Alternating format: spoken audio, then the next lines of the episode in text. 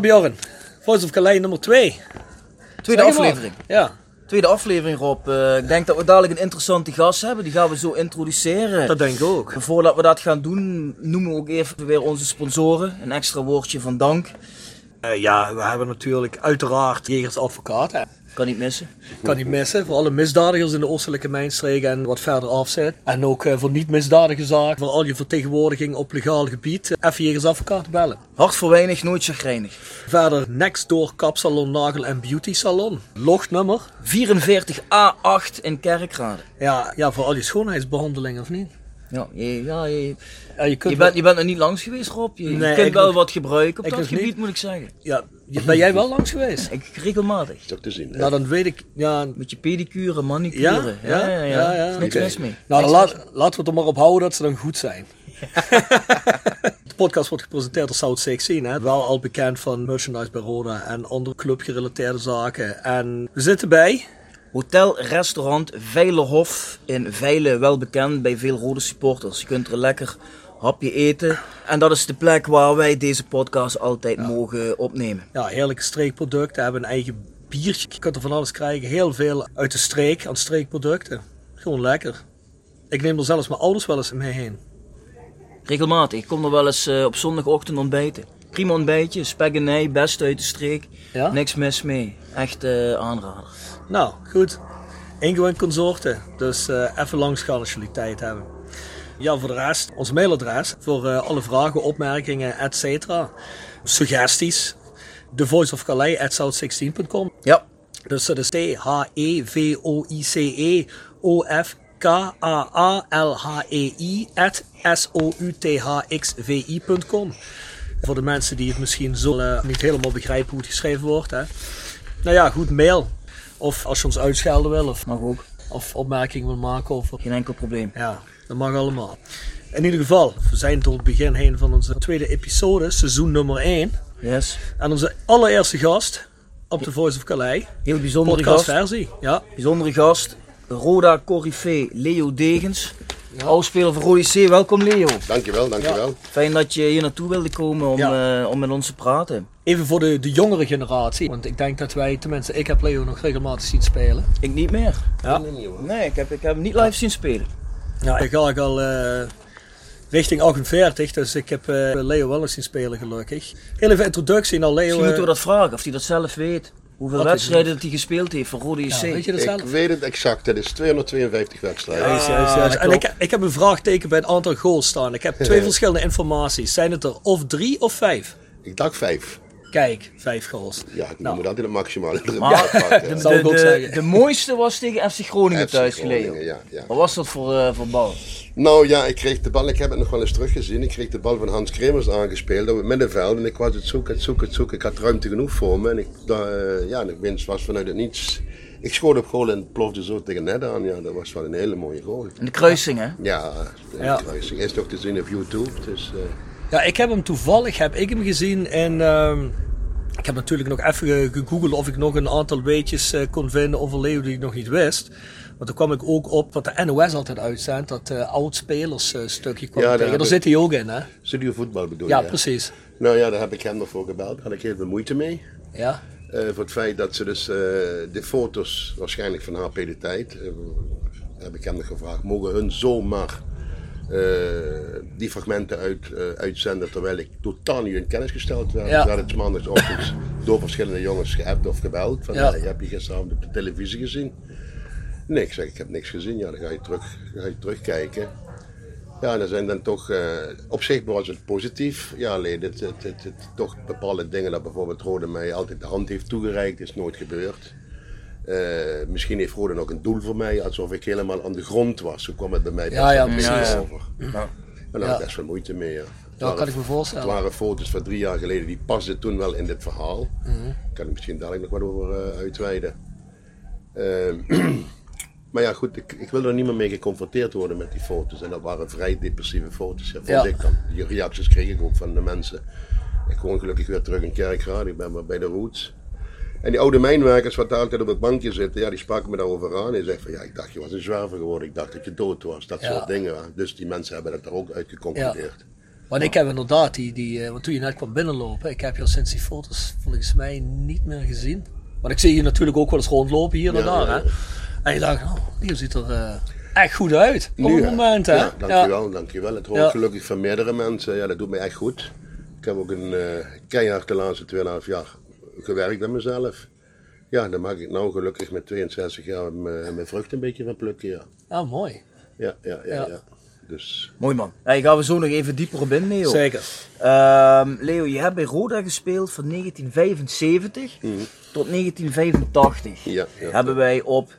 Ja. 73 toch? Nee, nee. 75, ja? Ja, ja, ja, Rob. Hey. 73, daar had ik de kampioenschap nog meegemaakt. Dat, dat klopt, ja, inderdaad. Niet ah, okay. Maar, Leo, dan dat is in principe, um, ben je al op vrij jonge leeftijd gestopt. Ja. Hoe oud was je toen je stopte? 27 was ik toen 27. En, en, en, wat was nou precies de reden dat de je... De reden was, ik, uh, ik uh, heel simpel, ik had altijd moeite met mijn schoenveters van de voetbalschoenen scho uh, vast te maken. En ik zag dat bij de anderen altijd makkelijker ging. En bij mij was dat altijd een probleem. Die voet ging naar buiten toe, en toestanden. En ik had altijd last van mijn rug, van mijn rug, van mijn rug. En uh, ja, dat is langzamerhand is ik daar een, ja, een blessure door ontstaan. En uh, ja, op 27 jaar had ik, een, uh, had ik dus mijn heupen versleten. Maar achteraf is het vanuit mijn geboorte al ontstaan. Dat noemde heupdysplasie. Ja. Mijn dochter heeft het ook gehad, dus ik was er vrij vroeg bij. Dan ben je veel alerter. Ja, met 27 jaar was het afgelopen, klaar. En ik, ik, ben toen second opinion laten doen in Maastricht bij professor Marti.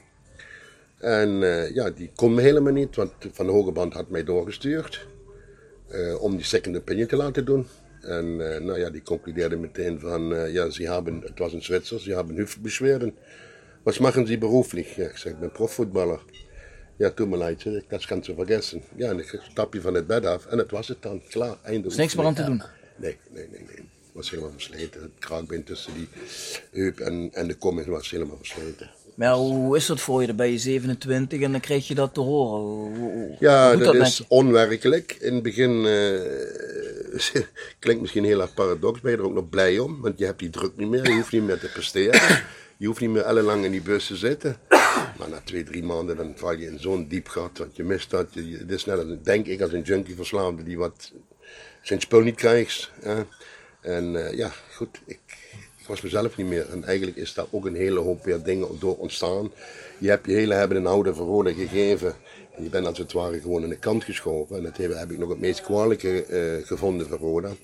Dat sindsdien nooit iemand van de club uh, geïnformeerd uh, naar, mij, naar mij heeft. Hoe is het? Kunnen we wat iets voor je betekenen? Dus ja, ik heb het allemaal zelf moeten opzoppen. En dan begrijp je door een, de voorgeschiedenis, de nageschiedenis, ja, dan ben je nu nog steeds de weg in het zoeken. Zeker wat in de jeugd gebeurde is, maar ja, daar zullen we het dadelijk wel even over hebben. Ja, ja. ja je zegt net, hè, um, je bent ergens ook wel blij dat de druk wegvalt. Hè? Um, ja, je zegt ook in, uh, in bepaalde andere interviews, hè, je zegt, ja, ik was eigenlijk altijd, ja, ik had last van faalangst, zei je, uh, stroomveus altijd. Angst, angststoornis, drie dagen voor de wedstrijd. Ja. Onuitstaanbaar voor mijn directe familie, voor mijn vrouw, toenmalige vrouw. Dus het was niet prettig, uh, maar dat komt vanuit mijn jeugd. Uh, ik ben nu realiseer ik mij dat met welke angst ik dat veld ben opgestapt. Uh, die faalangst, geen zelfvertrouwen, drempelvrees. Ja, je staat voor 15.000 mensen te voetballen en tegen je tegenstander. Er zijn momenten geweest, wist ik helemaal niet dat ik op het veld bij wijze van spreken rondliep. Zo gedreven zat ik in die wedstrijd om maar niet te, te falen, om maar niet, niet dat. Hoe zouden de mensen mogen reageren? Dat soort dingen, dat heeft me zo ontiegelijk veel parten gespeeld dat ik eigenlijk, denk ik voor mezelf, nooit het maximale uit, uit die carrière heb weten te halen. Mm hebben, dat, hebben dat mensen, denk je, op de tribune of met wie je speelde, hebben die dat gemerkt of geweten? Nee, nee denk ik niet. Uh, de wilskracht. Uh, ja, ik zal, ik zal bijvoorbeeld nog een voorbeeld noemen. Mijn tweelingzus is op 14-jarige leeftijd overleden met een heel zwaar verkeersongeval. Uh, die pijn, een tweeling, is toch een één persoon, is toch een, zo voel ik het tenminste. Mm -hmm. En die pijn wat zij dan negen maanden heeft moeten, moeten, moeten dragen, die, die pijn heb ik fysiek helemaal over weten te brengen op het veld. Dus ik heb eigenlijk heel, heel veel roofbouw op mezelf gepleegd. Mm Vanuit de koempelmentaliteit, ja. mijn vader werkte 40, 40 jaar in mijn gewerkt, mijn oudste broer een broer wat boven mij komt. Dus ik ben daarmee opgetrokken. En dan wil je hun ook laten zien van, hey, ik ga er ook keihard voor, eh, Ja. voor de mentaliteit, wat je van thuis uit meekrijgt. Dat over, overlevingsdrang, dat overwinningsdrang. Ja. Het was een soort prestige kwestie. Dus je hebt dat toen eigenlijk ook voor jezelf gehouden. Je hebt er ook niemand Nee, in... ik, eh, eh, nee, ik heb er met niemand over kunnen praten. Dat was thuis heel erg moeilijk. Vanuit een mijnwerkersgezin met een redelijk groot gezin van zes kinderen. eh, de moeder was, was, was voor de pot, voor het koken en de vader was voor het werken. Maar communiceren was in onze familie, dat zou ook wel in de meeste mijnwerkersgezinnen zijn geweest. Het was heel erg sober, heel erg... Nee, het was niet altijd mooi, leuk om eh, in die situatie grootgebracht te worden. De druk, de, we drukken het nog vrij zachtjes uit. Maar het heeft je wel gevormd, CQ vervormd. Ja. Ja, en dan, eh, je zei net al even, toen we van tevoren even waren aan het praten. ehm vroeger bij SVK gespeeld. Heb ik ook gespeeld. Ja. Ja? Mooie vereniging, die bestaat nu niet, niet meer. Nee, precies. Ze zijn op een is gegeven nou moment opgedoekt, hè? Het is pas onlangs is die ring weggekomen en toen was dat voor 30 jaar was er sprake van dat daar eh, een ring weg ging komen. Dus Mhm. eh, dan hebben ze toen het, het, eh, dat veld opgedoekt en zijn toen naar, weet je het, uh, Groenelong, Groenelong Groenelong, ja. gegaan. Ja. dan zijn ze kapot gegaan helaas. Ja, want ik weet nog dat toen ik in de jeugd bij eh RKTSV speelde, dat er opeens een, eh, een half elftal eh Naar ons toe kwam. Ja, ja, ja, en die ja. jongens die zijn toen, eh, die zijn toen eh, Daar was ik ook bij. Toen, Ja, toen maar dat- moest je op de bank zitten volgens mij. Ja, maar jij was, ja, maar ik moest op de bank zitten omdat ik wat ouder was. ik had uitgefaseerd. Hè? Jij mocht hem proeven. Hè? Oh ja. Zo kan ik me dat niet herinneren. Maar ja, laat Nee, gaan. nee, maar goed, laat maar, whatever. Maar, eh, maar in ieder geval, je zegt ook, ik, eh, ik, eh, maar dat, dat, dat loopt ook parallel aan wat je net zegt, eh, neem ik aan. Hè? Je, je, je, je, kwam uit je comfortzone. Hè? En je kwam bij Rode terecht en je zegt ook in interviews, zeg je van, eigenlijk heb ik het gevoel gehad dat ik eh nooit meer zo goed gespeeld heb als ik bij SVK ik was gespeeld bij heb. SVK, ja, was ik Dreh- und Angelpunkt, zoals de Duitsers dat Ja. zeggen. En eh, ja, je komt uit die veiligheid van die groep, word je dus weggetrokken. Je moest naar Roda toe gaan. Ik wilde dat toen niet. Dat was voor mij gewoon, als we toen met SVK tegen Roda speelden, dan was het gewoon, ja, zo zag gegaan. En eh, Maar je wilde Ja. eigenlijk helemaal niet naar Rode. ik wilde niet naar Roda, absoluut niet. Ik had ook niet het gevoel, ik, ben, ik heb een talent en ik eh, kom ooit tegen Cruijff te voetballen. Dat had ik, die intentie had ik helemaal niet. Nee. Hoe ben je gescout dan? Door de vader van Michel Mommers, Zef Mommers. Ja, ja, oké. Die ben ik door gesponsord. Ja, maar voor, voor mijn vader was dat alles. En, Maar eh, hoe gaat dat dan? Ik bedoel, die komt naar je toe en die zegt nou, dan, die we willen je hebben. via mijn vader heeft gezegd, eh, er zijn, M- Mommers is voor, voor jou hier geweest en eh, volgend seizoen speel je bij Roda. Ah, Ik zeg, dat wil ik niet. Ik wil niet naar Roda toe, ik gehuild, ik wil Hoe dat hoe oud niet. was je toen? Ik denk een jaar of 11, 12. Het- nee, op de CB ben ik begonnen bij Roda. Ja. En eh, ja, je komt daar vanuit mijn veilige groep waar ik in zat. Want die veiligheid was er thuis niet altijd. Eh, ja, eigenlijk zou ik dat verhaal moeten vertellen waarom. Mijn angststoornissen, dit en dat. Ja, Nee, komen we zo op terug. Oké. Komen. Nou, in ieder geval, ik ben eh, naar Roda moeten gaan. Daar heb ik de opleiding, de jeugdopleiding, een hele goede jeugdopleiding gehad van Herbert Bunne. Is nou nog regelmatig, zie ik die man. Eh, dus daar heb ik heel veel aan te danken. Hij heeft veel individueel met mij getraind. Nou ja, goed, en dan ga je dan weer een stapje hoger, weer een stapje hoger, totdat je uiteindelijk eh, bij de tweede komt.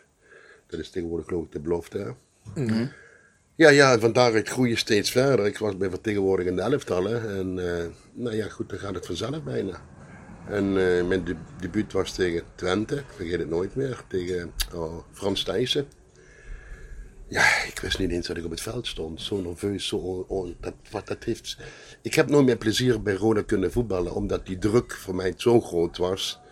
eh, dat ik niet naar behoren, voor mijn gevoel, heb kunnen presteren. Ja, goed, en ik was fysiek sterk. En dan word je automatisch in de verdediging eh, geduwd. Hè? En, eh, terwijl ik zelf een, op, de jeugd een, een, een, een spelverdeler was op het middenveld. Ja. redelijke goede paas, eh goede breedte paas, diepte paas. Ja goed, ik heb dan ook mijn mannetje ook wel als, als verdediger weten te, te, te nemen. Want je, je bent eh, zelfs nog een keer geselecteerd voor Jong eh, Oranje, toch? Eh, nou, nou, voor Jong Oranje heb ik zeker twee jaar voor, voor, gevoetbald. Dat ik zelfs, ja, dat was ook zoiets. Ook, dat noem ik je wat een heel goed voorbeeld van de Jong Oranje. Ik werd dus geselecteerd voor Jong Oranje. We hadden de eerste interland, ik zou begon niet meer weten tegen wie. Eh, ja, ja, we kregen, iedereen kreeg zijn kostuum thuisgestuurd. Dus je moest met de eerste officiële wedstrijd, dan moest je met het pak naar Zeist toe. Wij hadden thuis geen auto, dus ik ging met de trein. Ik zeg tegen mijn vader, ik ga niet. Wat, ik ga niet? Ik zeg, kom maar, maar een lange jas, want ik wil niet zien dat iedereen ziet dat ik hier met mijn gouden leeuw... Ja, ieder kind zou, zou hartstikke blij zijn, Ja, ja. Ik, ik niet. Dus die bescheidenheid, dat heeft er ook altijd in gezeten. Ik was geen, eh, geen prater. Eh, ik was altijd zo bang. Ik, op scholen ook. Altijd bang als ik een fout zou maken. Dus die, die, die, die onzekerheid die heeft vanuit, vanuit de jeugd heeft een hele grote rol gespeeld. Kijk, ik kom er nu pas achter nadat ik een x aantal maanden opgenomen ben geweest in de Mondriaan. Ja, er is ontzettend veel losgekomen waarom ik me altijd opgesloten heb gevoeld. Ik heb ook altijd het gevoel, eh, hier zit een advocaat naast me, ik heb ook altijd het gevoel alsof ik in een gevangenis zat. En Ja. Ik was maar proberen om die deur open te maken, maar dat lukte niet. Ja, Dus ik zat altijd opgesloten in mezelf. Ja. Ik heb me nooit kunnen ontplooien, nooit kunnen... Ja, het heeft zoveel maatschappelijk, zoveel eh, privé dingen, heeft dat allemaal een hele grote rol in gespeeld. ja. Ja. Nou, wat jij zegt, ik, ik voel me ehm, met Phalanx dat ik heb eigenlijk nooit vrij uit kunnen spelen bij Roda. Ik heb eigenlijk altijd, eh, ja, ik heb me altijd eh, daarin geremd gevoeld. Toch eigenlijk eh, dan paradox dat je op een gegeven moment aanvoerder bent. Hè? Ja, ja, ja. ja. Dus dan moet ook echt niemand dat Nee, meegekregen niemand hebben. hè? heeft dat meegekregen. eh.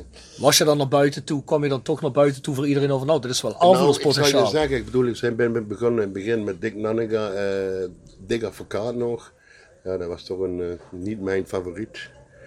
Eh, die ging zo tekeer tegen jeugdspelers, hij begeleidde je niet, hij, eh, hij schoot je liever uit als dat hij zijn schouderklopje gaf. Ja, Was niet echt een collegiale vent.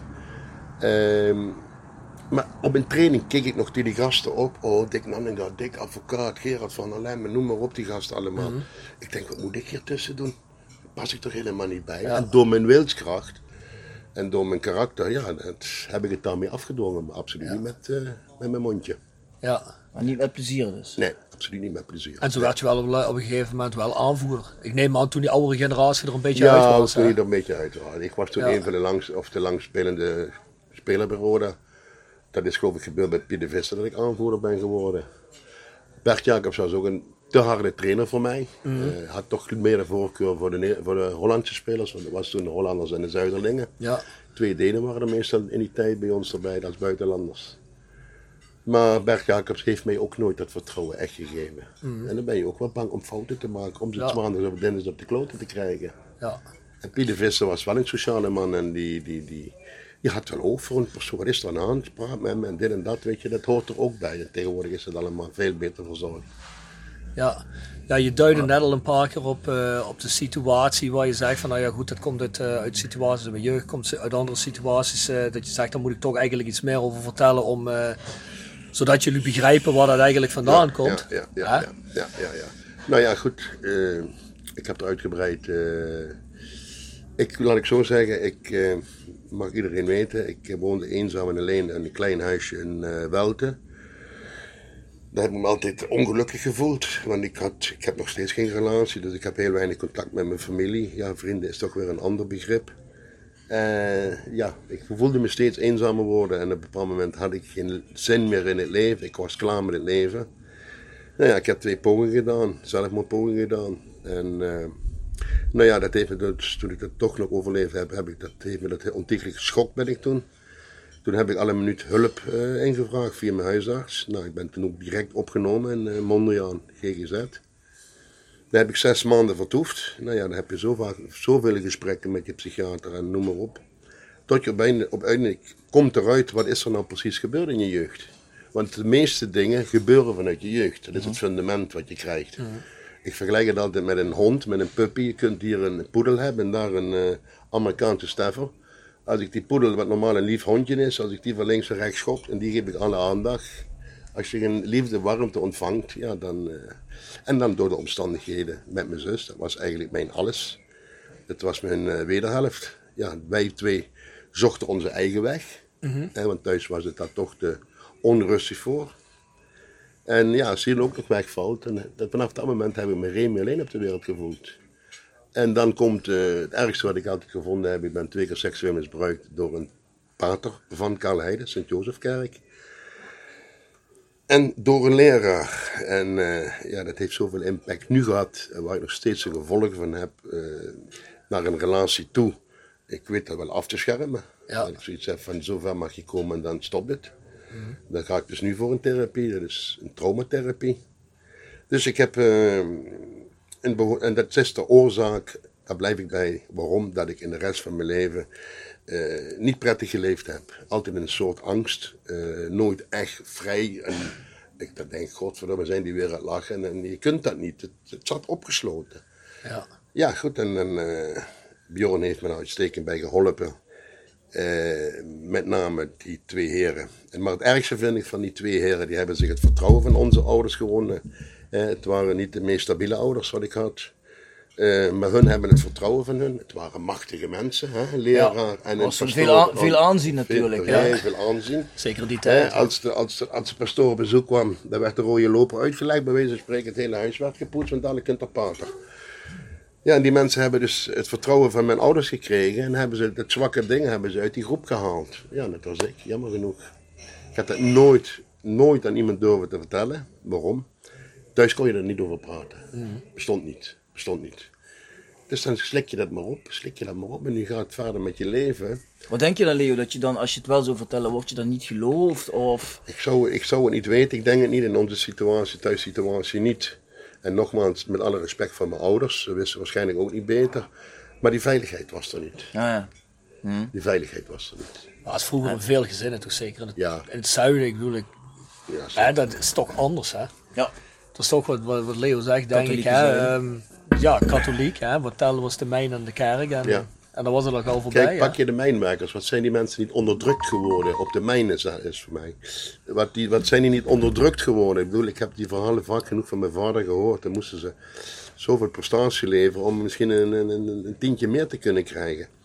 Dus ik wil maar zeggen, die mensen zijn zo onderdrukt. En dat nemen ze mee naar huis toe. En eh, ja, dat was het weekend hun potje bier, hun duiven en hun sport. En, en het maandags gingen ze weer het, de mijn in. Dus in die tijd ben ik grootgebracht met dat. Ja. Ja, maar, maar Leo, nou, nou zeg je, hè, jij zit dus op latere leeftijd al in de Mondriaan, dan ga je intensieve gesprekken voeren. En op dat moment wordt jou helder wat jou in je jeugd, Mm, jeugd gebeurd is. Dus als ik het goed begrijp, dan heb je dat dus eigenlijk al die jaren opgekropt. Of heb je dat weg, weggestopt? Weggestopt. Het zat in mijn onderbewustzijn zo ver weggestopt. Maar nu ik eh, mijn oorzaak weet, nou weet ik ook waarom dat mijn leven zo verlopen is. eh, op allerlei gebieden. De onzekerheid is al ontstaan op de lagere school. Eh, wat moet ik hier? Ik voel me hier niet prettig, ik wil weg. Ik hier op die stoel twee, drie uur blijven zitten. Door de angst, want je keek tegen die leraar aan. Zou hij hetzelfde doen? Die, als je naar de kerk moest, zou hij hetzelfde doen. Dus je was constant in een, in een situatie in je hoofd, wat eigenlijk als kind zijn niet normaal is. Maar je, je weet het niet, het is je gebeurd. Eh, de erkenning heb ik gekregen van de Rooms-Katholieke Kerk. Nou, dat is ook nog een heel verhaal apart. Eh, ja, en met die leraar, die leeft nog. Eh, ik ben hem elke week, om de twee weken, ben ik hem gewoon het triggeren. Want juridisch kunnen we hem niet meer aanpakken. Dat, daar weet Bjorn alles van. Maar ik heb pas vrede. Die man heeft zijn hele carrière helemaal doorlopen. En ik weet zoveel achtergronden van die man. Hij weet, ik weet meer van hem dan dat hij ze- zelf denkt. Daar heb ik weer iemand gehad vanuit de gemeente Landgraaf. Daar heeft hij ook gewerkt. Ik weet waar hij woont, ik weet alles van hem. Maar wat moet ik doen? Moet ik nou hem aanbellen en ik draai mijn nek om? Zit ik weer vast. Ik heb mijn hele leven vastgezeten. Maar zo'n mensen mogen niet ongeschonden uit deze wereld verdwijnen. Ja. Dat is toch een bepaald stuk karakter wat ik heb. Ik ben maar zo clever om geen gekke dingen te gaan doen. Dus, maar Ja. het heeft wel... Ja, het heeft financieel huizen verloren, huwelijk verloren. eh, mijn kind zie ik niet meer. eh, kleinkinderen heb ik nog nooit gezien. Allemaal inherent en de gevolgen van. Ja, Ik kan het begrijpen dat mijn vrouw heeft gezegd, ik kap hiermee. Kan ik 100% begrijpen, want ik was niet...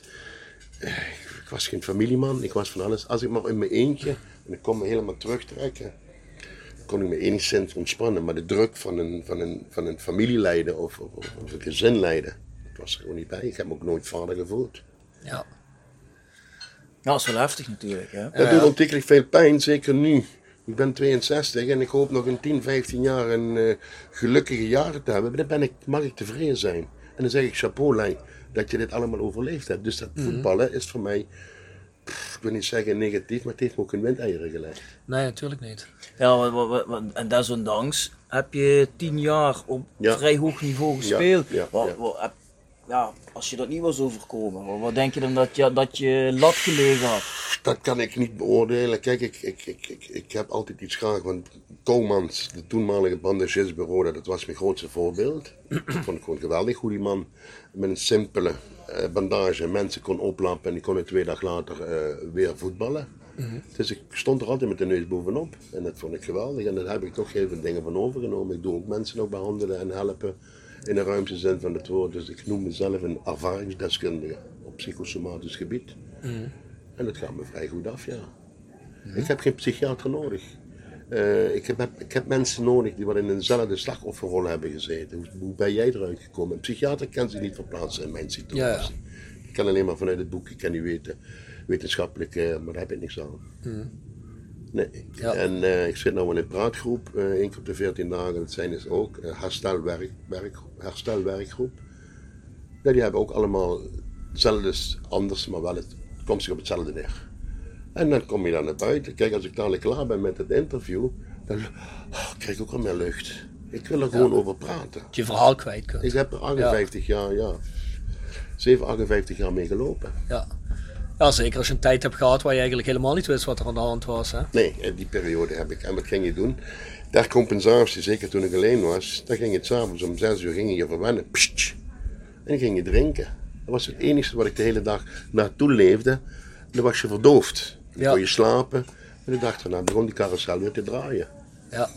Dus Maar ja, ook wel knap vind ik dat je daar gewoon over durft te praten. wel, ik denk wel dat het voetballen toch die wilskracht heeft gegeven om verder te willen gaan.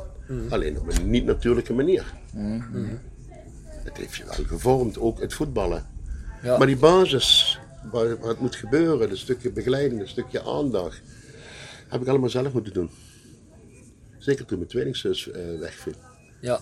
Dat was het grootste trauma wat ik toch in mijn leven meegemaakt heb. Kijk, wat daarvoor is gebeurd, is ook niet goed te praten. Maar het, komt, het is een opeenhoping van. Eh, mijn huisdokter zei van 0 tot noem maar wat, 14 jaar worden je hersens eh, ontwikkeld. Maar bij mij, hij zegt, je hebt alleen maar in een negatieve film gezeten. En Ja. Hoe, hoe wil ik weten wat warmte en liefde is als je ze nooit hebt kunnen ontvangen, Ah ja, nooit hebt kunnen krijgen? En ik weet dat er gewoon verschillende dingen zijn. eh, maar ik weet niet beter, laat ik het zo zeggen. Ik, ik overleef en ik leef nou op een andere manier gelukkig, iets ontspannen en iets gelukkiger. Ook sinds dat ik toch weer terug ben in Kerkraad. Dus Toen ben ik gevlucht, want ik werd elke dag aangesproken van de supporters. eh, een beetje over, uiteraard over het voetballen. Ja. Ja. Dat ik het op een moment een kotser van kreeg. Ja. En in feite ben ik daardoor gev- gevlucht. Maar en, is, eh, en nu achteraf ben ik wel blij dat ik terug ben. Ja, mooi. Ja, zoals ik net zei, ik vind het ook knap dat je daar gewoon open over bent. Ik denk Ja. dat heel veel mensen daar niet over Nou, durven ik denk te praten, wel- precies. zichzelf ik denk wel, ik zeg nogmaals, ik wil ook hier aan het interview aangeven, als mensen behoefte hebben om erover te kunnen praten, ze mogen me rustig bellen. Ja. Dan hoeven, ze geen, dan hoeven ze niet jaren naar een psychiater te lopen. Ik weet waar ik over praat. Ik ben ervaringsdeskundige. Ik heb alle klappen van de maatschappij mee mogen maken. Ik ben, ik ben gelukkig nooit een crimineel geworden, van alles niks. Ik ben misschien nog te sociaal. Maar goed, dat zit ook in mijn karakter, dat accepteer ik ook. Waarom zou ik, eh, zou ik me anders voordoen? Ik ben zoals ik ben. Eh, het heeft me gevormd, maar ik heb er ook van geleerd. Ja. Maar ik ben niet harder of, of weet ik wat gewo- geworden, of weet ik wat. Ja. Hey Leo, nou, ehm, nou heb je ons ook, in ieder geval voordat we met het interview begonnen, heb je ook verteld dat, eh, dat je wel teleurgesteld bent over hoe Rode met je is omgegaan, Ja. zeg maar, na het einde van de carrière. Of, of misschien meer met oudspelers in de algemeenheid. Hoe, hoe kijk je daar tegenaan? Eh, nog, als ik erover nadenk, ik vind het frustrerend. Zeker voor de jongens vanuit de eigen streek. Ik woonde nota bene, ik kon vanuit mijn slaapkamer, kon ik het oude Rode Stadion zien. Dus ja, goed, je komt daar terecht, je hebt je hele hebben en houden gegeven. Eh, met, vijf, in het jaar 85 word je afgekeurd. Komt het probleem Fiat. Fiat toen in Ja. 85. Fiat zaak. Nou, ik was er ook bij betrokken. Eh, waarom? Ja goed, ik kreeg zwart geld. En eh, dat werd aangezwengeld door de, dat komt het woord weer, door de Hollanders. Maar goed, ik ga geen namen noemen, het zal wel allemaal afgehandeld zijn, ook voor hun. En ja, die spelers wat daar nog speelden, die werd tegemoet gekomen van, die, van, de, van, de, van de schulden wat ze, wat ze moesten betalen aan de belasting. Ja, zegt me dat, zegt Hans Curver. Sorry Lijn, maar jij betekent niks meer voor ons. Snap je, dat was de tweede grote teleurstelling. Ja. Wat je dus moest weer accepteren. Ah, dat je moest eh, stoppen voor, voortijdig. Je was een eigen jongen van Karl Heide ook nog. Dus ik denk dat ik de enige was met Pierre Vermeulen. Eh, je, krijgt, je wordt niet meer benaderd van zou je de jeugd willen trainen of zou je dit of zou je dat. En ik ben het totaal in mijn lot over, overgelaten. En heb ik jaren wil ik er helemaal niks van mee te maken hebben. En nu heb ik nog eh, momenten dat ik denk, ja, zijn ze toch zelf schuld dat het zo is gegaan. Zoals het nu is gegaan. ja, ik kan me goed voorstellen dat je... Het is niet rankeneus, maar wel. eh, ze hebben de oudspelers. Het is altijd bij Roda zo geweest. En ik heb het, het gevoel nu nog. Als je van de eigen eh, dingen uit streek komt. Ja, dan ben je maar gewoon iemand. Maar ben je een, een Hollander of een buitenlander. Die kunnen zich toch meer permitteren. Dus is het nou nog steeds. Denk je dat het misschien ook een beetje is omdat eh, als je van boven de rivieren bent, dat je dan toch een beetje meer Mondig- beter mondig bent. Hè? En dat Ja, ze dan toch denken, die jongens van hier die accepteren het wel. Ja, maar dat geldt, ook, hè? dat geldt ook voor de mijn, of laat ik zeggen, de, de oudere mensen. Mijnwerkers zijn er ook bij. Die, die is net alsof die tegen die mensen van buiten de kerkraden zo hoog die gaan opkijken. En iemand van ons is maar gewoon iemand van kerkraden. Dus dat is die Ja, ja. boodschap. Gaat ook dit doen, gaat ook dat doen. Er zat altijd een bepaalde, dat is nu nog de, de, de terughoudendheid van een kerkradenaar, vind ik persoonlijk, want ik ben weer terug, ik ben 20 jaar in Heerlen geweest. Daar heerst toch wel een beetje een andere cultuur. Maar hier is het wel meer samenhorend. Met wel wat veel roddelen achter de rug, daar zijn we wel goed in. Daar zijn we wel goed in de kerkraden. Maar eh, dat is wat ik net wil zeggen met het zwart geld. Ja, goed, dan, dan, eh, dan zegt Rode ook, ik, eh, sorry, maar je betekent niks meer voor ons. En dat was al mijn voetbalgeld. Ik heb de VWCS, dat is een spelersfonds. Dat heb ik toen helemaal moeten opnemen om die boete terug te moeten betalen. Ja, ja, goed. Dat is, Dat is eigenlijk je pensioen. Hè? dat was VVCS, pensioen. hè? Ja, ja, dat Ja. is mijn pensioen. Dat heb ik toen in de belasting terug moeten betalen. En Roda heeft wel die spelers die wel nog iets Die voor hun betekenen, hebben ze geholpen. Tegen, tegen moet gekomen, ja, 100%. Ja, dat, is natuurlijk, dat is natuurlijk een beetje, dat is natuurlijk ook waanzinnig. Ja, ik noem de je, namen niet, dat heeft geen zin. Maar eh dat zijn toen inderdaad. eh, en ik, ik wist net naast de boot. En zo was het ook met contractbespreking. Ik weet goed, mijn eerste contractje, daar ging mijn vader mee, want ik was nog minderjarig. Je had geen zaakwaarnemer of Nee, dat was toen nog niet. Ook zo. En hij heeft Curver. Ja, sorry, hij was ook een man van kerkraden. Hij was zijn broer van Wielkurver. Maar eh, ik, zijn Hans hetzelfde. Allemaal die jongens, René Hofman zit hier vraagzaam achter rug. ja. Wij zijn zeker in verhouding met die jongens van boven de rivieren. één op drie zijn we wel benadeeld geworden. Oh, dat geloof ik wel. Slechts een derde bedoel Nou, laat van... ik zeggen, als, als het bedrag hun 15.000 gulden zouden krijgen, dan kregen wij er 3, Nee. 4, 5.000 euro. Ah, ja, ja, ja. En we deden dezelfde prestatie, waren voor iedereen afhankelijk. Ja, want ze waarschijnlijk Maar- wisten dat jullie dat ook zouden Ja, accepteren. ja, ja. natuurlijk. ja. Er werd, er werd toen nog het, het salaris van mijn vrouw erbij geteld. Oh, je bent bij de top 3 hier wat hier rondlopen aan, aan verdiensten. Dus je werd toch wel behoorlijk Ja, dat gemanipuleerd. een maar dan komt het weer. Als je dan niet voor jezelf durft op te komen, Ja. omdat je tegen die man opkijkt, dan, Ja. je- dan slaat hij je in alle hoeken. Is er nooit interesse geweest van andere clubs? Jawel, jawel, Feyenoord. Eh, maar ja, door mijn angst durfde ik niet naar Feyenoord, naar Rotterdam. Ik zie me daar al op een appartementje zitten. Dat Had je wel uit je comfortzone gemoeten natuurlijk. Ja, hè? Ja. Het heeft me zoveel parten gespeeld. Dat, eh het is wel eigenlijk waanzin. Dat je dat zo belemmerd heeft om... Ja, als je- ik kon er niet van genieten.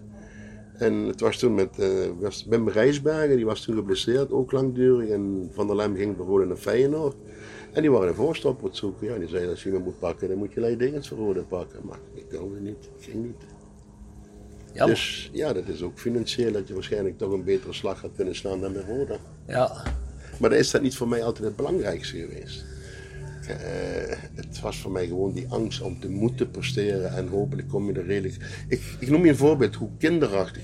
Dat ik het woensdagsmiddags wist ik rond 1 uur, ik had de VI net, niet. Dan ging ik naar de supermarkt dus VI pakken, cijfertje 6, cijfertje 5, Ja. cijfertje 7. Ja. En daar werd ik door beïnvloed. Ja. Werd ik nog onzeker als daar een 4 Ja. of een 5 stond. Dat kun je nagaan. Ja. En daar overdrijf ik geen woord van. Nee, dat geloof ik Zo diep zat, dat, zat die angst Ja. erin geworteld. Denk je dat, eh, kijk tegenwoordig kennen we natuurlijk eh, voetbal inside en Johan Derks en Ja, zo. ja, dat is ja. voor veel mensen ook wel eh, lachen, gieren, brullen. Maar denk je dat dat voor dat, dat veel voetballers van die nu spelen, dat die daar ook eh, problemen mee hebben. Met die angst. Ja, maar ook, kijk, jij, jij leest het dan eh, in een boekje, het cijfer. Maar goed, als je bijvoorbeeld eh, door Johan Derks op tv iedere week belachelijk wordt gemaakt. Ik denk wel dat, dat ik noem bijvoorbeeld die Beugelsdijk van FC Den Haag. Ja goed, dat is niet, het is, het is een, een type voetballer, ja, ze, komen er geen twee tegen. Ik kan me voorstellen, als er over mij gerold werd, terwijl, terwijl Johan Derksen, die heeft ook maar bij Veendam of hier bij MBV'tje eh, gevoetbald. Dus Ah, ja. daar heeft hij het ook niet geschopt. Nee. Ik vind dat soms te cru wat die man zich durft eh, te Tegen die heb je waarschijnlijk ook nog gevoeld, of niet? Ja, ik ben, als ik hem zie, dan ben ik er altijd over na aan denken. Hoe oud zou hij nou zijn dan? Die, die, de, Ja, ik Dat wel een Ruim in de oude- 60, denk ik. Nou, toch Ja, wel ouder, denk ik. ja, ben Nog ouder? Nou, dan ben je nog een jonge vent. Ik ben, ik ben ook... Nou, maar ja, als jij, als jij iemand niet kunt herinneren, dan weet je hoe goed hij was. ja, dat is een goeie. Toch? Dat bedoel ik. Hans, Maar, eh, Hans, Hans Kraai heb je daar wel tegen gespeeld. denk ik. Junior, ja. Ja, ja? Gespeeld eh, bij Dordrecht. en bij- hoe heet die, hoe heet die, eh, hoe heet die directeur nog eens? Die bekende directeur van Dordrecht, DS79. Ah, maakt me niet uit. Geen idee. In ieder geval. Ja, ja maar het, eh, ja. Want en, en, en Leo, je zegt net van, eh, ja, je viel toen in een zwart gat. Wat, wat, wat denk je wat, je wat je voor Roda had kunnen doen? Waar, waar, waar had je je energie Nou, in mijn, kwijt mijn energie had ik kwijt gekund. Eh, we hadden toen al regelmatig jeugdvoetbalkampen op de Groene Long. Ja, en ik vond het geweldig om talentjes, eh, ja, om talentjes op te sporen en daar iets mee te doen. Ik, bedoel, ik had een bepaalde specialiteit, was niet al te veel. Maar kop en een slijding maken, daar was ik vrij goed in. Dus ik wil maar zeggen, toen in die tijd, eh daar lag de trein nog zo ver open. Ja, Michel heeft dan een beetje zijn dingen gepromoot met wielkurven. Maar eh, ik voelde me toen wel na mijn carrière eh, noodgedwongen. Ja, om ook wel, iets terug te willen doen voor Roda. Maar ja, ik ga niet aan de deur bellen van jongens, hebben jullie al iets voor mij? Want ik wil graag bij Roda blijven. Daar was ik natuurlijk ook te stoer voor. Stoer, stoer, als je nooit iemand gevraagd wordt. En het heeft me wel altijd pijn gedaan. Hier, ik zie daar John Meuser rondlopen, René Hofman liep er eh, dingen, eh Joop Daché. Ja, dat zijn toch allemaal jongens van het eerste uur geweest. En ja, die zitten er nou bij G-Team. Maar mij is nooit voor iets gevraagd geworden. Ja, na al die tijd heb ik ook zoiets van, jongens, ik ga af en toe een wedstrijdje kijken. Ik vind het leuk om met de oud-collega's daar te zijn, maar het voetballen is de laatste jaren, zo je niet van naar, naar, naar het Rollenstadion toe te gaan, helaas. Ja, even... je, oh, sorry. Ja, zeg het maar op. En omdat je net zegt, hè, voor, de, voor, het, eh, voordat we begonnen met het interview, van ja, wordt toch wel gevraagd om iets te doen. Dan zeg ik van ja, hm, weet ik niet of ik dat wil. Maar Nu bedoel je? ja, zei, dat zei je toch net? Ja, ik heb, kijk, ik, ik- ben er nou zo ver overheen. Misschien toch anders een keer Stel- gewoon ja zeggen. Ik stel dat bijvoorbeeld Ralf Krie- Kriewinkel, ja, dat ken ik door één deur. En hij is zelfs een fan van mij geweest. Dat heeft hij me eens ooit Ja. verteld. Dat hij foto's van mij op de slaapkamer had hangen. En eh, kijk, als hij tegen mij zou zeggen, zou je voor ons, eh, ik noem maar wat, een wedstrijd gaan analyseren. En niet meer in de Ja. trainers. De trainers ook niks meer. Ik heb twee kunstheupen en daar ben ik niet meer aan. Maar dat soort dingen zou ik wel willen doen. Ik, Ja. bedoel, ik heb ingangen nog genoeg. Ik hoef Martin van Gelen en eh Koeman bewijzen van. Ik heb met die jongens gevoetbald. Dus Ja. Lijkt me toch dat je iets makkelijker binnenkomt als dan een Cola, eh, Wim aan de, aan de deur bellen en Mhm. zegt van, eh, hebben jullie misschien een leuk spelertje voor ons, dat bij jullie niet in de bak komen. Als je nou Maar bijvoorbeeld... kijk, ik begrijp nooit, niet voor mij, maar voor de club Roda, waarom is er nooit iets mee gedaan? Er lopen nou mensen in het bestuur, die, die hebben geen, totaal geen affiniteit met voetballen. Nee, en dat, dat is- hier, nou, kom net binnen, laat ik zeggen, 200 jaar eh, ervaring voetballen. Ja, René Hofman, Feyenoord. Pierre van Meulen, Feyenoord. Staat met terugnummertjes op, op de truitjes te plakken. Ja, er moet ook meer uit te halen zijn. Zeker. het- maar vroeger hebben ze het ook altijd ver weg gezocht. Het zou wat beter zijn dan, dan binnen je eigen regio. zeker. En het hoeft allemaal geen, geen, geen miljoenen te kosten.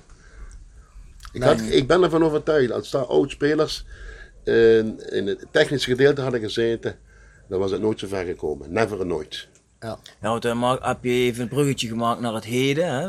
Ik bedoel, hoe kijk jij eh, terug op het, op het Roda van de laatste jaren? Hè? Ik bedoel, we hebben dramatische seizoenen meegemaakt. Hoe, hoe, hoe, hoe, zie je dat? Want je, je zit wel vaak op de tribune, toch? Ja, ja, één, één voorbeeld kan ik je noemen. De afgelopen eh, vijf jaar zeven trainers ontslagen. Dat zegt me toch genoeg? Zegt me toch genoeg? Het aankoopbeleid daarvan. We hoeven de namen niet te noemen, Kanen en noem maar op. Het is allemaal... Wie heeft hun op de vinger weten te tikken? Niemand. Jullie zijn het platform geworden. Jullie hebben nog een stukje... Dat jullie een stukje kunnen aansturen. Maar het mag toch niet zo zijn dat daar... eh, zo'n beleid. Vroeger had je Hans Curver en John Kammerling. John Kammerling hebben ze dan ook eh, de deur uitgegooid. Eh, die regelde alles, alles, alles. En nou heb je een stadionmanager. Ik ben eens een keer bij Collard moeten komen. Ik had wat misdaan volgens hun. en eh toen moest ik naar, hoe heet ze nog eens, die blonde eh, van ook geloof ik midden in de maatschappij. Oh ja, ik, ze, ik moest, of ik zou, als ik dat zo graag zou willen, trainer worden van het no-walking team. Ik zeg, toen ben ik nou mee bezig op de, op de, op de Marktenkerkraad. Ik zeg, dan kom je allemaal met de rollator gelopen. ja, maar dat vind ik, dat vind ik, ja, ik vind dat eh, degenererend. Ik vind dat niet eh, op zijn plaats. Ja. Ja, kijk, en die jongens, die jongens het die nou hier zitten, die zijn met een G-team bezig. Ja. Ja. sorry, met alle respect, geweldig voor die mensen. Ja.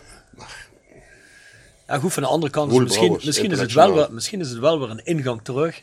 Voor een stap, oh, een stap misschien verder weer te maken. Je weet het niet. Ja, maar ik denk wel als je dus eh, eigen jongens of eigen mensen, laat ik zeggen, Ralf Kriewinkel, wat toch bestuurlijk en juridisch goed onderlegd is, eh, en die betrekken ons erbij, ja, dan zal ik niet nee zeggen, absoluut niet. Want ik, ik voel me nog steeds zoiets van, ja, ik ben een rode man, ik heb, dat, ik heb daar toch de basis gelegd. Ja, en dan wil je die laatste jaren dat je misschien nog leeft, wil je dat. Ik, maar ik voel me er wel bij betrokken. Ja, ik zou het wel heel leuk vinden om een zondag of een zaterdagavond naar naar een of andere wedstrijd te gaan kijken waar ze de week daarna tegen moeten en een beetje gaan analyseren. eh, analyseren ja. Nou ja, je staat er wel voor open, maar ja goed, eh, de mensen in het verleden hebben je wat dat betreft De deur dichtgegooid. de deur dichtgegooid. Komen er nieuwe mensen aan het roer, eh, Ja, ja, dan, sta daarom. je, dan sta Daar je sta daar er open. positief tegenover. Ja. Kijk, het, nogmaals, het hart is uit, uit Roda. De ziel is er nog steeds. Maar nou zullen wel de juiste mensen moeten komen. Om, om, ik denk dat wel het de laatste kans nou is. Wat, wat, wat, wat vind jij, eh, Leo, van eh, de komst van Mauricio Garcia de la Vega? Daar kan ik op dit moment weinig of niks over zeggen. Volgens mij is er in principe nog niks beslist. Nou, ik denk wel dat die man goede bedoelingen heeft. Mits hij dat kan waarmaken. Eh, ik bedoel, we hebben het met Koratev gezien. En dan kom ik jou misschien in het vaarwater. Ja, eerst zien, eerst zien en Hij is dan... een grote vriend. Eerst zien en dan Dat zeg je iedere keer. Ja. Eerst zien en dan geloven. Dat is zo simpel is het. Ik wil het eerst zien en dan geloof ik je pas. Ja, maar hoewel, hoewel Alexei natuurlijk wel, die heeft al 4 miljoen overgemaakt Ja, ja. naar de club. Dus het is niet zo van, hij, vaak bij Maar buiten. dan heb je dadelijk nog twee kapiteins op het schip. Ja goed, oké, dat is iets waar ze zich inderdaad eh, zelf eh, in moeten schikken. Dan moeten ze onderling maar zien uit te vechten. Hè? Maar hoe zie je Het dat is- Leo? Want kijk, je hebt dat nu, de, de, discussie is een beetje van, eh, moeten we dat lokaal houden of willen we een buitenlandse investeerder? lokaal. eh, ja, ik begrijp ook één ding niet vanuit, vanuit de G6. Daar zitten ook wel vermogend genoeg mensen in, in, in dat clubje. hè? Ja. Dan zou je verwachten, jongens, we gooien elke uh, instinctie wat eh, miljarden ver- vermogend is. En ga zo maar door. Kom, we gooien die pot hier half leeg en we, we- gaan gewoon op de goede rails. Waarom moet het afhankelijk zijn van buitenlandse investeerders? Hebben we toch niet nodig? Waarom gebeurt dat niet, denk ik? En op de, op de allerbelangrijkste is, wij hebben vanaf de jeugd, is wel geteld, één man waar ze 1 miljoen voor gekregen hebben. En dat is Guus, Guus Hupperts geweest. Dat is de enige speler. Dus dat geeft me al te raden om na te denken, ja jongens, ik heb hier een potentieel van, van, van, van een kweekvijver. Je ziet het bij ons, Roger Raven, René Hofman, Pierre Vermeulen, Joop Daché, ikzelf. Daarna krijg je René Troos, Gerry Zender. Kostte drie keer niks. Ze hebben gepresteerd. Dat kun je me toch niet wijsmaken dat toen meer talent rondliep dan nu. Het heeft te maken met de basis. Elke, elke clubje is een basis. Kostte niks, laat het er 1 miljoen of 2 miljoen per jaar kosten. Als er één speler wat doorkomt, je ziet het bij Ajax, De Leeg, De Jong, en ga zo maar door. Investeer in de jeugd. Heb je dat trammeland wat je nou hebt, heb je niet nodig. En wat is, het, wat is het niveau tegenwoordig? Keukenkampioen. Ja jongens, laten we toch eerlijk zijn. Dat was Ja. in, mijn, in mijn tijd was dat misschien eerste klas amateur. Ja. In mijn klas. Als Ja. je, Nou ja, zo, het niveau is natuurlijk stukken minder geworden in de loop der jaren. Ik denk dat we Leo, het wel over eens zijn, ja. Zie jij eh, op dit moment, hè, want de selectie van Rode bestaat nu uit een hele hoop eh, eigen jongens. Hè? Zie je daar jongens bij lopen of je denkt die kunnen het op een hoger niveau ook waarmaken? Nou, hoger niveau. Ik denk wel, het is jammer dat die jongens met vijf, zes mensen, eh, spelers in één keer voor die leeuwen gegooid zijn geworden. Maar als je zo Reemans, eh Soeren, geleidelijk zoals het bij mij is gegaan, geleidelijk had ingepast. Maar daar hoort weer een leider bij, hè, die wat die jongens kan aansturen. Dus dat is er allemaal niet. Dus de basis is er niet. Hoe wil ik dan over een, een elftal beschikken wat komend seizoen moet ik ze maar weer gaan kopen. Ja, dat is nou makkelijk. Die, heet die jongen, die Mexicaan en die, die Rus, die kunnen zo een, een, een speler uit de Bundesliga halen, bij wijze van. Maar als je vanuit je eigen middelen, en daarom zeg ik op korte termijn, zal dat wel een eh, goede oplossing zijn met die twee geldschieters. Maar op lange termijn weet ik niet. Maar als je het- je jeugd, als ik mijn fundament vanaf het begin opbouw, en ik kan daar de steen op leggen, dan krijg je een stevig huis. En je kunt elk jaar één of twee van die talenten doorschieten. Maar ik ben ook een paar keer naar de jeugdopleiding van Rode gaan kijken. Ja, sorry mensen. Daar zak me de broek vanaf. Wat er langs de lijn staat, wat die, men, wat die jongetjes moeten aansturen of weet ik wat. Dus ik wil maar zeggen, begin daar. Heb je na vijf jaar heb je daar profijt van. Dan mag je elke jaar mag een speler doorstromen. Dat moet kunnen. Moet kunnen. Je ziet er al een, Daarom zeg ik, een oud speler ziet de motoriek al van een jongetje van 8, 9 jaar. Dan zeg ik als een jongetje zich warm lopen, dan zeg ik dat. En die, wow, die heeft een goede motoriek. Dus als je motoriek goed hebt, snap je, dan zie je, die heeft aanleg. Het hoeft geen goede voetballer te worden, maar hij heeft aanleg. En dat moet je kunnen zien. Ja.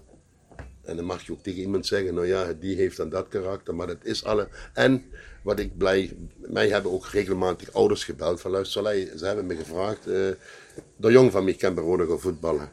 Wie oud is ze, zeg ik dan, ja, tien jaar, niet doen, niet doen. Laat hem lekker bij de eigen jongen spelen. Hè, comfortzone, wat je net zegt. Laat Ja. zich daar ontwikkelen.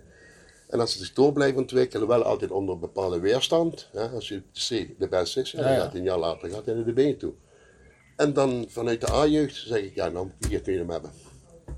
Dan kun je, dat, dan Ja. kun je die, die, die patronen, wat zoals tegenwoordig gevoetbald wordt met het, met het, met het eh, hoe noem het, rotonde voetballetje. Maar laat die jongen, als ik toch, en zo Pierre Vermeulen, als je die in het collectief had laten voetballen, was het nooit een, was het nooit een topvoetballer geworden. Maar nu heeft hij zich de schakel zelf kunnen ontwikkelen. Dat was zijn sterkste punt. Ja. Vlijscherpe voorzet en dan ik kwam en het, dat was sensatie. Ja. En als je ziet over hoeveel schijven dat tegenwoordig gaat, nou hoor. maar- Ja, ik kan me ook voorstellen als je 8, 9 jaar bent en je moet eh, bij een profclub voetballen Nee, en vier, vijf keer per week trainen, dat je na een paar jaar heb je, vind je het niet leuk meer. Moet wel plezier houden in een spelletje Ja, natuurlijk. ja, ja, ja. Ik vind, Maar ja, denk, denk je dat, het- denk je dat het eh, realistisch is als een club één keer bij je is geweest als je, als je 10, 11 bent? Dat ze dan misschien, eh, dat ze dan misschien weer terugkomen als je jaar of 14, 15 bent? Het gaat allemaal tegenwoordig zo vlug, hè? En eh, als je dan Ah, ook volgens ziet... mij hè, dat- IJsland, die hadden laatst eh, een hele goede lichting voetballers. En daar heb ik een artikel van gelezen. En die zeiden daar, die laten al die spelers gewoon bij hun eigen club. En pas vanaf 14, 15 of zo ga je daar in een opleiding van een profclub. En zij vinden dat dan wetenschappelijk gezien een betere methode. Nou ja, goed, dat, dat geloof ik ook wel dat te zo zeggen. is. Dat zal wel voor te zeggen zijn. Maar ja, goed, stel jij bent een extreem uitzonderlijk talent in Kerkrade. Bij amateurverenigingen. Nou, dan ben je al op de radar van een aantal clubs in de regio. Ja, ja, ja. Hè? Ehm, zeg bijvoorbeeld dat zo'n eh, dat zo'n eh, dat zo'n vereniging, weet ik veel, zegt dat bijvoorbeeld eh, Roda zegt, nou we willen jou hebben en eh, hier heb je wat handgeld, dit en dat, eh, weet ik veel hoe dat gaat. Hè? Ehm, of zelfs een Ajax of een PSV, hè? dat die je scouten. Of misschien iets heel geks, dat een Chelsea of een Liverpool je scout. Ja, ga je dan nee zeggen? Ga je dan bij die club blijven, omdat je met z'n allen hebt afgesproken, nou we blijven tot onze veertiende bij de amateurs.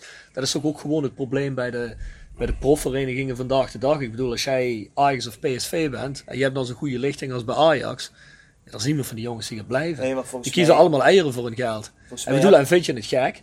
Ik bedoel, die jongens die nu naar Barcelona of naar PSG of ze ook allemaal heen gaan, die jongens hoeven nooit meer te werken.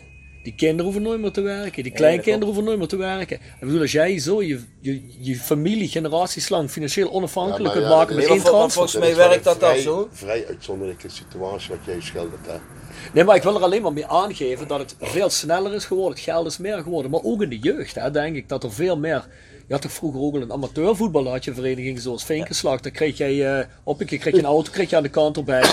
En dat was ook maar op amateurniveau. Ik weet Ja, maar volgens mij, volgens mij is het zo dat in die andere landen die dat, die dat zo organiseren, dat die dan wel nauw samenwerken met die amateurclubs. en dat die goede jeugdtrainers stallen bij die amateurclubs. Ja, ja, dat dus het is niet zo dat die maar wat aanmodderen. Maar die voetballen Nee, bij hun eigen vrienden hè, op, en, in hun eigen, die blijven in hun eigen omgeving Ja, wonen. ja, En pas later ga je dan echt bij die club zelf. Een-. Lijkt mij ook een veel beter concept. Nou, Dat goed, hebben we dat bij deze afgesproken. Maar niet eens als voetballer, hè, gewoon als persoon. Voor je, perso- voor je geestelijke ontwikkeling ook. Hè? En je emotionele ontwikkeling, denk ik. Hè? Wat was er bij jou dan misgegaan, Rob? Nou, op allerlei plekken. Ja, vertel je Op allerlei niveau- op welk niveau heb je gevoetbald? Ik gevoel, nee, ik heb alleen maar eh, in de jeugd bij RKTSV gevoetbald. Oh ja, dat zei je net. En toen kwam de muziek en toen was het voorbij. Oh ja. Dus, eh, maar ik ken heel veel van die verhalen van die Leo vertelt over, ehm, eh, over ehm, het verschil tussen eh, jongens van boven de rivieren, onder de rivieren. Eh, van dat bepaalde mensen wel meer kregen hè, en de andere mensen gezegd werden van ja oké, eh, jullie kunnen het ook wel voor dit geld doen hè. Dat ken ik uit de muziek. Ik ken ik, dat, ken ik uit de muziek ook. Hetzelfde het laatste talentbureau is, heeft het dan niet gehaald, Mitchell Paulus. Hij heeft van elke trainer het vertrouwen gekregen. Pierre Vermeulen heeft altijd tegen mij gezegd, Lei, elke trainer zet die jongen op de verkeerde plaats. Die moet met, met nummer 10 net achter de spitsen voetballen. Dan weet ik wel dat hij tot zijn recht is gekomen. Kijk, je moet ook proberen, je moet ook kunnen zien van, ik moet een bepaald rendement in een speler halen. Tuurlijk. Elke trainer moet een speler minimaal 10% beter kunnen maken, individueel. Niet eens in het collectief, maar gewoon individueel. Ja. En dat zie je bijvoorbeeld ook de laatste jaren niet meer. Ik denk, denk je niet dat het ook veel te maken heeft met, behalve dat een talent is of dat een trainer zegt van, kijk, ik zie, als hij misschien heel, eerlijk- heel eerlijk is, dat hij zegt, nou, ik zie Mitchell Paulsen bijvoorbeeld wel op, op de 10. Ja, dat zie ik wel. Maar denk je niet dat er misschien dan iemand anders rondlopen van dan een heel politiek spel rondgespeeld wordt, te zeggen, maar die jongen moet daar eigenlijk spelen, zoek van Mitchell Paulsen maar een andere plek. Ja, dus het is... En wat het volgens Ja, mij ik gaat tegenwoordig niet alleen om talent, kijk, hè. het verschil was voor mij, dat is denk ik nu nog steeds, kom je uit de eigen jeugd, het kost niks, het heeft niks gekost, je krijgt een, een klein salarisje, hè? Eh, maar die wat ze gaan halen, die moeten in de showroom blijven staan. Want Die hebben ze, daar hebben ze Ja. 1, 2, 3 miljoen in onze Ja. tijd voor betaald. Die moeten blijven voetballen, klaar. Maar ik denk ook dat zo'n jongen, eh, wil je slagen, zul je ook moeten profileren. En zul je denk ik ook eh, een beetje eh, handjesgedrag in je moeten hebben. Want ben je makkelijk en je denkt, ja, de trainer zet me ernaast Ja, op, maar ik heb het altijd door, wat, wat, ik- wat ik je net verteld heb, het verhaal. Ik heb het altijd afgedwongen eh, door keihard te werken. Ja. Dat was mijn, eh waardoor ik me kon, bij de groep kon Waar je ook kan onderscheiden. onderscheiden. Ja, Maar Of ik erbij denk dat- kon horen. Laat ik, denk dat ook wel de tand destijds een beetje is. Hè, dat, hè, laten we eerlijk zijn. Ik bedoel, de jeugd van vandaag de dag, hè, zonder altijd negatief te willen zijn. Nee, daar heb ik het lang niet over iedereen. Hè, is niet meer, is niet zoals de jeugd in de jaren Ja. 70 was. Hè. Ik zie geen kind meer op de straat voetballen, maar goed, daar is ook de gelegenheid niet meer voor. hè. Dus de kinderen, die worden ook, ehm, ja, pak je de computer, pak je de scholen, ze worden zo volgestopt met informatie. En dan moet je ook nog op het voetballen, wat normaal in ontspanning is. Voetballen, je gaat Ja. voetballen of je gaat uh, tennis whatever. Dus het moet een ontspanning zijn. Nee, dan krijg je ook nog eens op de flikker. Ja, ja, precies. Dus, dus die zitten 8 tot 12 uur per dag onder spanning. Hoeveel kinderen hebben niet de ADHD? Dat vroeger wa- hadden- waren er misschien ook bij. Die liepen tot drie, tien rondjes extra over. over, over- Ja, maar ze is nee, dat is zo, ja, klopt. Ja, ik moet zeggen dat de druk van die kinderen tegenwoordig bijna niet meer te doen is. ja. Je moet, Nou, met, tien jaar, je mee moet eens. met tien jaar al volwassen zijn. Ja. En, en je hebt met twaalf jaar, als een kind een talent, talent heeft, dan zien de ouders al een goud klompje. Ja. Ja, dat soort dingen. Eh, bedoel, er Kinderen krijgen veel te veel opdrachten mee. Hè. Veel te veel, denk ik. Hè. Het is niet meer. Die informatie wat die krijgen elke dag. Nou ja, goed. Het zijn zo. Mooi man. Hey, ik denk dat we langzaam eh, aan het einde zijn gekomen met, eh, van het gesprek met eh, Leo. Ik vind het een eh, ja, mooi verhaal, ingrijpend verhaal. Ja. Openhartig. Roda Corifee. Eh, Ja. Fijn dat je gekomen bent, Leo. Graag gedaan. Nou, misschien kunnen we daar in de toekomst nog een keer over verder praten. Brengt ons, denk ik, bij het dankwoord nog een keer van onze sponsoren, Rob. Ja, ja, nogmaals, hè. Next door eh Kapsalon, Nagel en Beauty Salon. Die, eh, die houden, ons, houden ons mooi, hè. Log 44 A8 Kerkrade. Ja. Jegers Advocaten. Te vinden op de Ruisse Berenbroek. Reuze Beerbroeklaan 12 in Heerlen. Loop, Zout loop 16. gewoon gezellig even binnen bij Bjorn voor een kopje koffie. Geen probleem. leuk. Gewoon aanbellen. Altijd eh, wel, deur staat open. South 16 en natuurlijk de locatie waar we nu zitten, hotel, restaurant Veilerhof van Ingo Bulles in Veilen. Ja, zoals gezegd, hè, Voedselvergelijk wordt gepresenteerd door South 16. Dus mocht je geïnteresseerd zijn, merchandise in het algemeen, eh, Twitter, eh, Facebook, eh, Instagram. Ga naar eh, www.south16.com of shop.south16.com. Ja, verder denk ik inderdaad tevreden met onze eerste gast. Nou, dankjewel. Ja, was een, zoals gezegd, ja, ik moet zeggen, we hebben ons afgevraagd of hij überhaupt wel over bepaalde thema's wilde praten. En gelukkig wilde je net over thema's praten. Dus dat is goed. Want ik denk ook, behalve dat we kunnen het hier wel over voetbal hebben en dergelijke. Hè, maar ik denk dat er uh, belangrijkere dingen zijn in het leven als ook voetballen. Alleen voetballen, ja. nogmaals, ik, ik zeg als slotwoord, je kunt dan toch met de trauma's wat je ervaart, kun je toch je wilskracht en je karakter tonen om toch nog iets, niet, hoeft niet per se voetballer te zijn. Ja. Hè, maar je kunt er toch nog iets bereiken in je leven. Heb je nou het gevoel dat je, dat je nou wel door alles wat je hebt meegemaakt op het punt waar je, waar je nu vandaag de dag zit, dat je, dat je zoiets hebt van nou, ik heb er wel weer keihard zin om er tegenaan te gaan? Uh, ja en nee. Kijk, ik moet me toch uh, steeds wakker houden dat ik niet kan zakken. Ja. Maar, maar nu ik onder de mensen woon, ik woonde daar eenzaam, het is voor mij een hele goede therapie. Ja. Ik, doe ik gewoon op een klein appartement in Kerkrade, het centrum. Dus als ik naar beneden toe ga, dan ben ik tussen de mensen. Tussen de mensen, ja. Ja, ja, ja, ja. Ik heb genoeg afleiding. Dus, uh... Maar je bent in ieder geval stappen verder dan dat je was. Ja, zeker. Anders, anders had ik hier al heel onzeker gezeten. Ik merk nu zelf aan mijn vraaggesprek dat ik bijna niet gestotterd heb. Nee, helemaal niet. Nee, nee. Dus nee. dat is weer een uh, teken vooruit. Nee, ik vind je ook op dit moment helemaal niet uh, onzeker overkomen. Dus ik denk dat... Uh, nee, want ik, uh, nee, dat merk ik zelf ook toen ik hier naartoe kwam. Maar ben ik daar al een halve dag mee bezig. Snap je? Maar nou had ik zoiets van, ja, laat het gewoon gebeuren. Zie je ja, zeker. Mooi man, ging prima. ja, mooi. Want ik heb niet eens aan Bjorn gevraagd, wat gaat er gebeuren? Wat willen jullie van mij? Nee. ja, precies. Ik heb eens gevraagd, zijn het televisie, radioopname of is het gewoon een vraaggesprek of wat het ook mag zijn. Ja. Ah, mooi. Prima man. Leo, bedankt. Ja, ja en wij gaan zo meteen verder met Pierre Vermeulen. En dat, die maar die horen jullie een stuk later. Dus, Aflevering 3. nou, goed, dat was hem. Tot de volgende keer. Yes.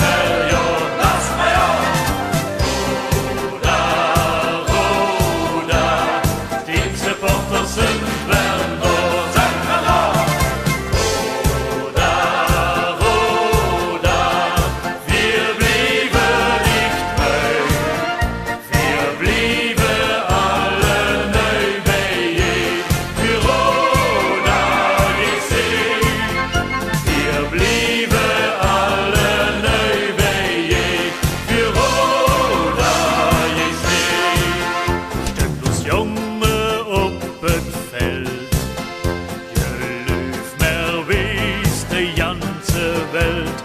C'est